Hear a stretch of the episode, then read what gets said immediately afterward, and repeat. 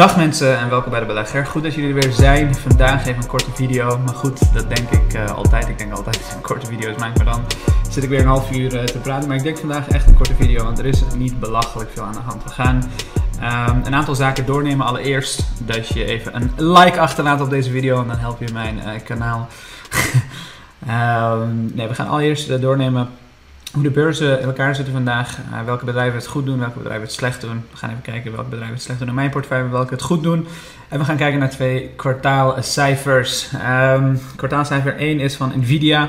Dat is een bedrijf waar ik ruim meer dan 50.000 euro in heb uh, zitten. Die hebben het uh, fantastisch gedaan. En we gaan kijken naar Alibaba. Ontzettend vaak berichtjes gekregen over Alibaba. Dus we gaan kijken hoe ze gepresteerd hebben. Uh, en hoe ik zelf denk over China, of ik het bij ga kopen of niet. Dus, al met al, laat een like achter als je nog niet geabonneerd bent. Abonneer nu, want meer dan de helft van de mensen die deze video's bekijken zijn gewoon niet geabonneerd, jongens. Hoe kan dat? Um, laten we meteen beginnen.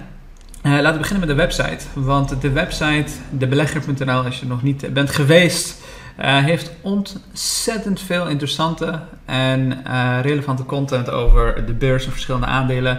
Vandaag bijvoorbeeld een uh, artikel met drie ETF's om je rendement een boost te geven. waarom Drop, Dropbox 15% na earnings? Een analyse van Dropbox. Just die takeaways aan het wankelen. Dit is waarom Facebook zijn naam wijzigt naar Meta. En noem het maar op. Zeer hoogwaardig dividendaandeel analyse. Dus heel veel interessante, gave content. Als je hem nog niet hebt gezien, check hem zeker even. Er is ook een app, er is een applicatie uh, die je kunt downloaden op zowel uh, Android als iOS.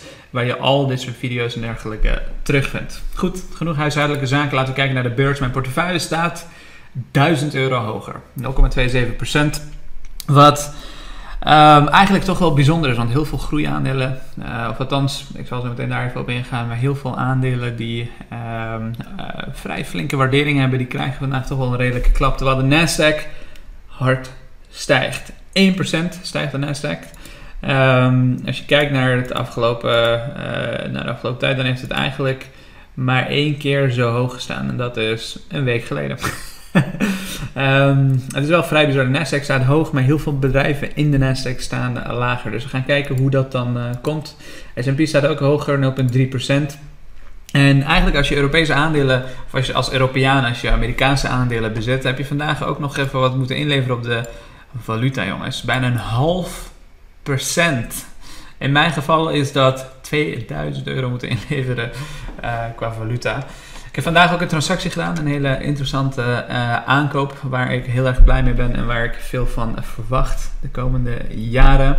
Uh, misschien zelfs ga uitbreiden over de loop van tijd heen. Als je hem nog niet hebt gezien, ga naar Discord. Ik heb uitgebreid uitgelegd wat ik zelf erin zie. Het is niet zonder risico's. Er zitten heel veel risico's uh, die eraan kleven. maar wel een interessant, interessant aandeel, denk ik. Um, mijn portefeuille staat op 208, of 428k.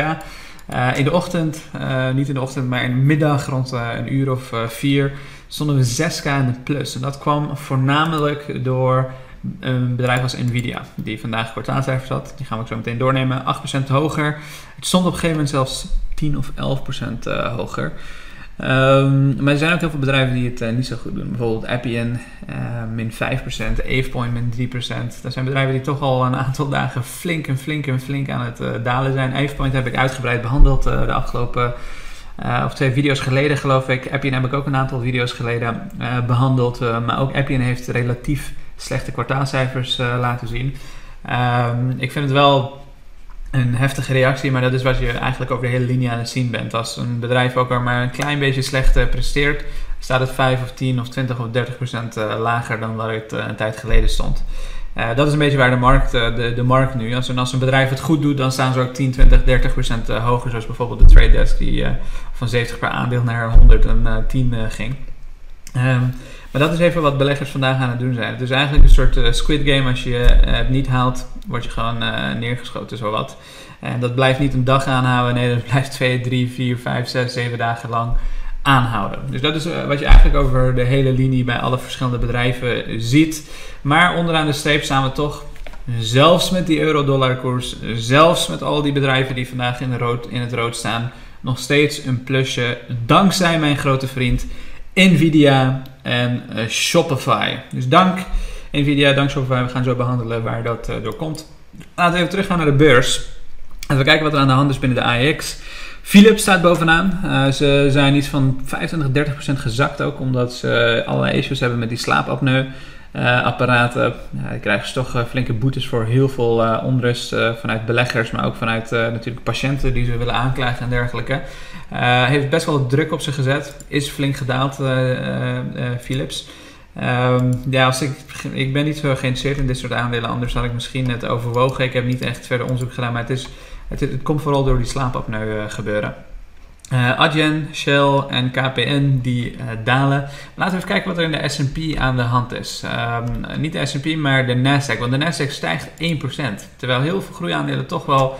Uh, heel veel aandelen in de Nasdaq aan het dalen zijn. En dat komt omdat de grootste spelers in de Nasdaq vandaag een hele dikke plus uh, laten zien. En um, dan heb ik het over bedrijven zoals bijvoorbeeld Nvidia. Dan heb ik het over bedrijven als JD.com, Amazon, Apple. Het zijn toch grote klappers. Apple, Apple en Amazon die zijn samen uh, zo'n zo 4000 miljard waard. Als je daar Nvidia nog eens bovenop uh, voegt, dan is bijna 5000 miljard aan market cap die vandaag flink hoger staat. En dat stuurt de Nasdaq omhoog, terwijl alle andere aandelen eigenlijk flink dalen. Um, dat soort bedrijven, die, uh, die drie bedrijven, eigenlijk de hele Nasdaq weer kei en keihard omhoog. En uh, wat ook interessant is, ik krijg regelmatig vragen over mijn uh, China. Vandaag wel uh, redelijk wat gezakt. Hoeveel staan ze in de min? 3% in de min. Dat komt omdat Alibaba ook redelijk slechte cijfers heeft gepresenteerd. gaan we ook zo meteen doornemen. Maar ook Baidu heeft relatief slechte, een relatief slechte dag. Bijna 5% gezakt vandaag. Um, ehm, JD.com, een Chinees bedrijf, die heeft het weer wel goed gedaan. Plus 5% staan ze vandaag. Uh, en ik zal zo meteen ook mijn uh, visie geven op China en hoe ik, hoe ik de markt daar specifiek zie. Um, als we kijken naar de S&P, dan zie je Nvidia ook daar bovenaan staan. Ook die zit in de S&P. Um, Cisco, die doet het heel erg slecht. Die hebben ook kwartaalcijfers gehad en die, die waren niet denderend.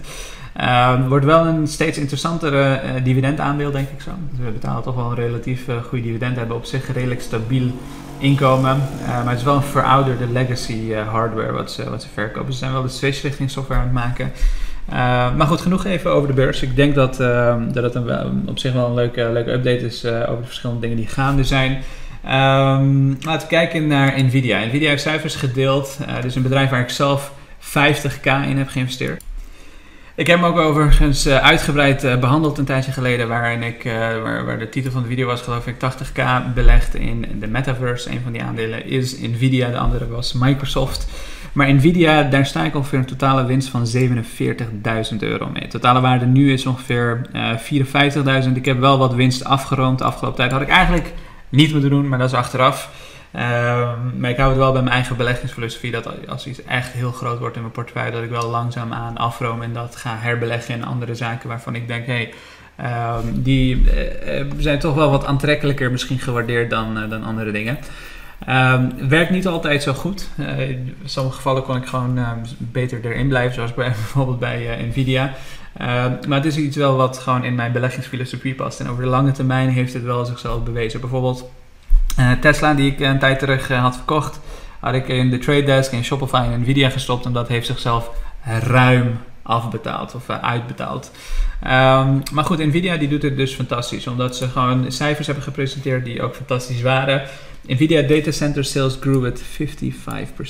55% groei. Dat is een bedrijf die gigantische omzetten heeft. Hè. Dus het is niet um, heel gewoon om dit soort cijfers neer te zetten. Nvidia reported the fiscal third quarter earnings. Um, het is al 123% dit jaar gestegen. Nvidia roos, uh, stock rose 5%. Inmiddels natuurlijk weer meer dan 8%. Uh, maar de cijfers waren dit: 1.17 adjusted versus 1.11 expected, up 60% year over year. Dit is winst per aandeel die 60% uh, jaar op jaar is gestegen. Ook uh, omzet van uh, uh, 7,1 miljoen, of, miljard tegenover 6,8 miljard. 50% gestegen. En de grootste drivers waren vooral datacenter en gaming. Dat waren hele belangrijke industrieën voor Nvidia. En Nvidia is een bedrijf die eigenlijk in alle grote markten die belangrijk zijn. Ze hebben echt een enorme total addressable market. Alle grote markten die je kunt voorstellen die een GPU hebben, of het nou gaat om de metaverse, of het gaat om artificial intelligence, of het gaat om crypto, of het gaat om datacenters, of het gaat om self-driving cars. Voor al die verschillende industrieën die zo belangrijk zijn en zo hard groeien, hebben ze de allerbeste chips. Ik weet niet of je laatst de, de, conference van Nvidia hebt bekeken, maar daar heeft letterlijk de CEO voor ons neus gezeten in de metaverse. Of in ieder geval, ze hebben, zij noemen het de Omniverse. Ze hadden de Omniverse in principe gewoon nagebouwd waar die man zat met hun eigen tools en dergelijke. Waar overigens uh, dat hele metaverse, alle R&D die daarin wordt geïnvesteerd, gaat waarschijnlijk nou niet alles, maar een heel groot gedeelte gaat waarschijnlijk naar een bedrijf als Nvidia. Want zij hebben letterlijk een soort testplek gebouwd waar je heel goedkoop uh, de, alles wat je gaat bouwen op de metaverse daar kan, uh, kan gaan testen. En zij hebben de beste GPU's. Dus zij gaan nog jarenlang profiteren van alles, al die verschillende trends. Tenzij er bedrijven zijn die met betere GPU's komen. AMD zou daar bijvoorbeeld eentje van kunnen zijn, maar die kans is klein. Want eh, Nvidia is gewoon simpelweg de allerbeste en die investeren daar ook flink in. Uh, maar gaming die, uh, die ging met 42% omhoog. Wat niet omhoog ging, was de chips voor, um, voor crypto's. En dat komt omdat ze simpelweg niet genoeg ervan hadden. Ze zouden er niet genoeg van kunnen maken. Er is ontzettend veel vraag, want die chips die gaan voor twee keer de prijs op de nou, zwarte markt, wil ik niet zeggen, maar gewoon op de tweedehandse markt. Uh, gewoon letterlijk twee keer de prijs, omdat de vraag zo hoog is en het aanbod zo klein. En dat heeft ook alles met die supply chain issues te maken die we continu zien bij heel veel verschillende bedrijven. Nou goed, genoeg over Nvidia. Laten we het hebben over uh, China, specifiek Alibaba eerst. Alibaba shares drop 10%. Zijn inmiddels ook 50% uh, gezakt in de uh, afgelopen tijd. Uh, en zoals ik zei, een tijd geleden, toen ik mijn video maakte over bijvoorbeeld waarom ik in de China-ETF ga beleggen, Um, toen heb ik ook duidelijk uitgelegd waarom ik persoonlijk niet in een bedrijf als Alibaba ga beleggen. Um, ga ik zo meteen behandelen, maar laten we eerst even kijken naar de earnings. Um, Alibaba shares dropped 10% as the shares guidance and earnings plunge on China slowdown. Alibaba has been a victim of China's crackdown on domestic technology industry, which has seen a slew of new regulations brought in from antitrust and data protection. Dus Alibaba heeft ontzettend veel last gehad van al die verschillende reguleringen die de Chinese overheid imposeert op bedrijven in China. Vooral techbedrijven die met data privacy te maken hebben. Ook Baidu, dat is eigenlijk een soort Google in China die heeft er ook heel veel last van gehad. Want China die zegt echt, wij willen de consument, onze burgers willen we beschermen. En we, uh, eigenlijk wat we in Europa ook hebben gedaan een tijd geleden met GDPR. Waar we data privacy regulation hebben geïmplementeerd. En de VS duurt het allemaal lang en uh, noem het maar op. Omdat ze ook, ja, ze, ze hebben er ook baat bij dat het allemaal wat langer duurt. Maar uh, China die, die doet er ook daadwerkelijk wat aan. Alibaba had gewoon heel veel issues. Ook buiten. Ze hadden allerlei samenwerkingen. Dat ze bijvoorbeeld elkaar niet op een specifiek platform uh, lieten. Of dat ze tweede of derde werden in de Google of in de Baidu ranglijst en zo. Weet je. Dus ik begrijp enigszins waar die, waar die crackdown vandaan komt. Ik denk dat het over de loop van tijd heen gaat stabiliseren en waarschijnlijk ook weer omhoog gaat. Ik weet niet specifiek met Alibaba, maar in ieder geval Chinese tech die gaat het gewoon fantastisch doen. Door die groeiende middenklasse, door uh, het feit dat 88% van alle gebruikers die uh, op het internet zitten mobiele gebruikers zijn bijvoorbeeld. Dat laat ook zien hoe sterk dit een, een economie is zoals China bijvoorbeeld. Um, maar naar mijn mening is het gewoon te gevaarlijk door dit soort regulering om in één specifiek bedrijf te zitten in China. En dat is de reden dat ik die ETF ook had gekozen. In plaats van dat ik risico neem dat een bedrijf zoals Alibaba gewoon uit elkaar wordt gehaald in principe. Uh, en uh, eigenlijk gewoon tegengewerkt wordt om een business te kunnen runnen. Uh, door een stelletje communisten die eigenlijk niet zo heel veel van, um, van, van, van de zakenwereld überhaupt, denk ik, begrijpen. Um, um, om, om dat tegen te gaan, bijvoorbeeld TAL en allerlei andere educatieplatformen, die zijn gewoon 90, 80 procent uh, gedaald omdat ze non-profit uh, gaan worden. Maar goed, um, dat is niet een risico die ik aandurf. ik heb liever dat mijn geld in een ETF zit die redelijk goed gespreid is over heel veel verschillende Chinese tech. En daarmee ben ik meteen gespreid in uh, China en in een industrie waarvan ik het gevoel heb dat ze de komende jaren gewoon ontzettend goed gaan doen.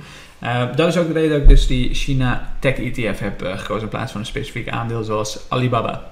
Bijvoorbeeld JD die heeft het super goed gedaan. Uh, waardoor mijn ETF niet 10% is gezakt zoals Alibaba of zoals Baidu, maar 3% omdat bijvoorbeeld JD.com het wel goed heeft gedaan. Um, want JD.com heeft niet per se last van die data privacy issues, want ze hebben niet op dezelfde manier als um, Alibaba of Baidu een monopoliepositie als het op data security aankomt. Mijn revenue van 200 biljoen, oftewel 31 miljard dollar. Um, uh, tegenover 204 verwacht. Dus iets minder dan, uh, iets minder dan verwacht. 29% nog steeds uh, um, stijging. Dus dat, dat is redelijk goed. Um, 11,2 yuan tegenover 12,36 yuan. Dus 38% minder year on year en ver onder verwachting ook. Ja, en dan, dan word je gewoon afgestraft uh, in de markt als, uh, als die van vandaag. Nu betekent dat niet dat Alibaba nooit meer hiervan gaat herstellen of dat het uh, heel erg verkeerd is, noem maar op. Maar het is wel zo dat als je in individuele aandelen gaat beleggen, en zeker in China, dan kan er altijd, ook met de beste bedrijven ter wereld, iets gebeuren waardoor het gewoon een tijdje of misschien wel langdurig een hele flinke klap krijgt. Want al die regulering die gaat er ook voor zorgen dat Alibaba meer concurrentie krijgt. Dat er druk komt om hun marges, dat er druk komt om hun winsten. En dat kan nog wel eventjes uh, gaan, uh, gaan, gaan duren. Maar de Chinese tech sector is denk ik uh, redelijk ehm, uh, resilient, om het even in Engelse termen te zeggen. En ik denk dat de komende jaren dat ze gewoon uh, simpelweg weer terug uh, gaan komen. En daarmee hebben we alles eigenlijk vandaag behandeld. Dank voor het kijken. Laat me weten wat je van dit soort updates vindt. waarin ik bijvoorbeeld specifieke aandelen bekijk per beurs. Dus iets wat ik voor het eerst doe, omdat er eigenlijk niet zo belachelijk veel aan de hand is op de beurs. Um, dank voor het kijken vandaag en tot morgen.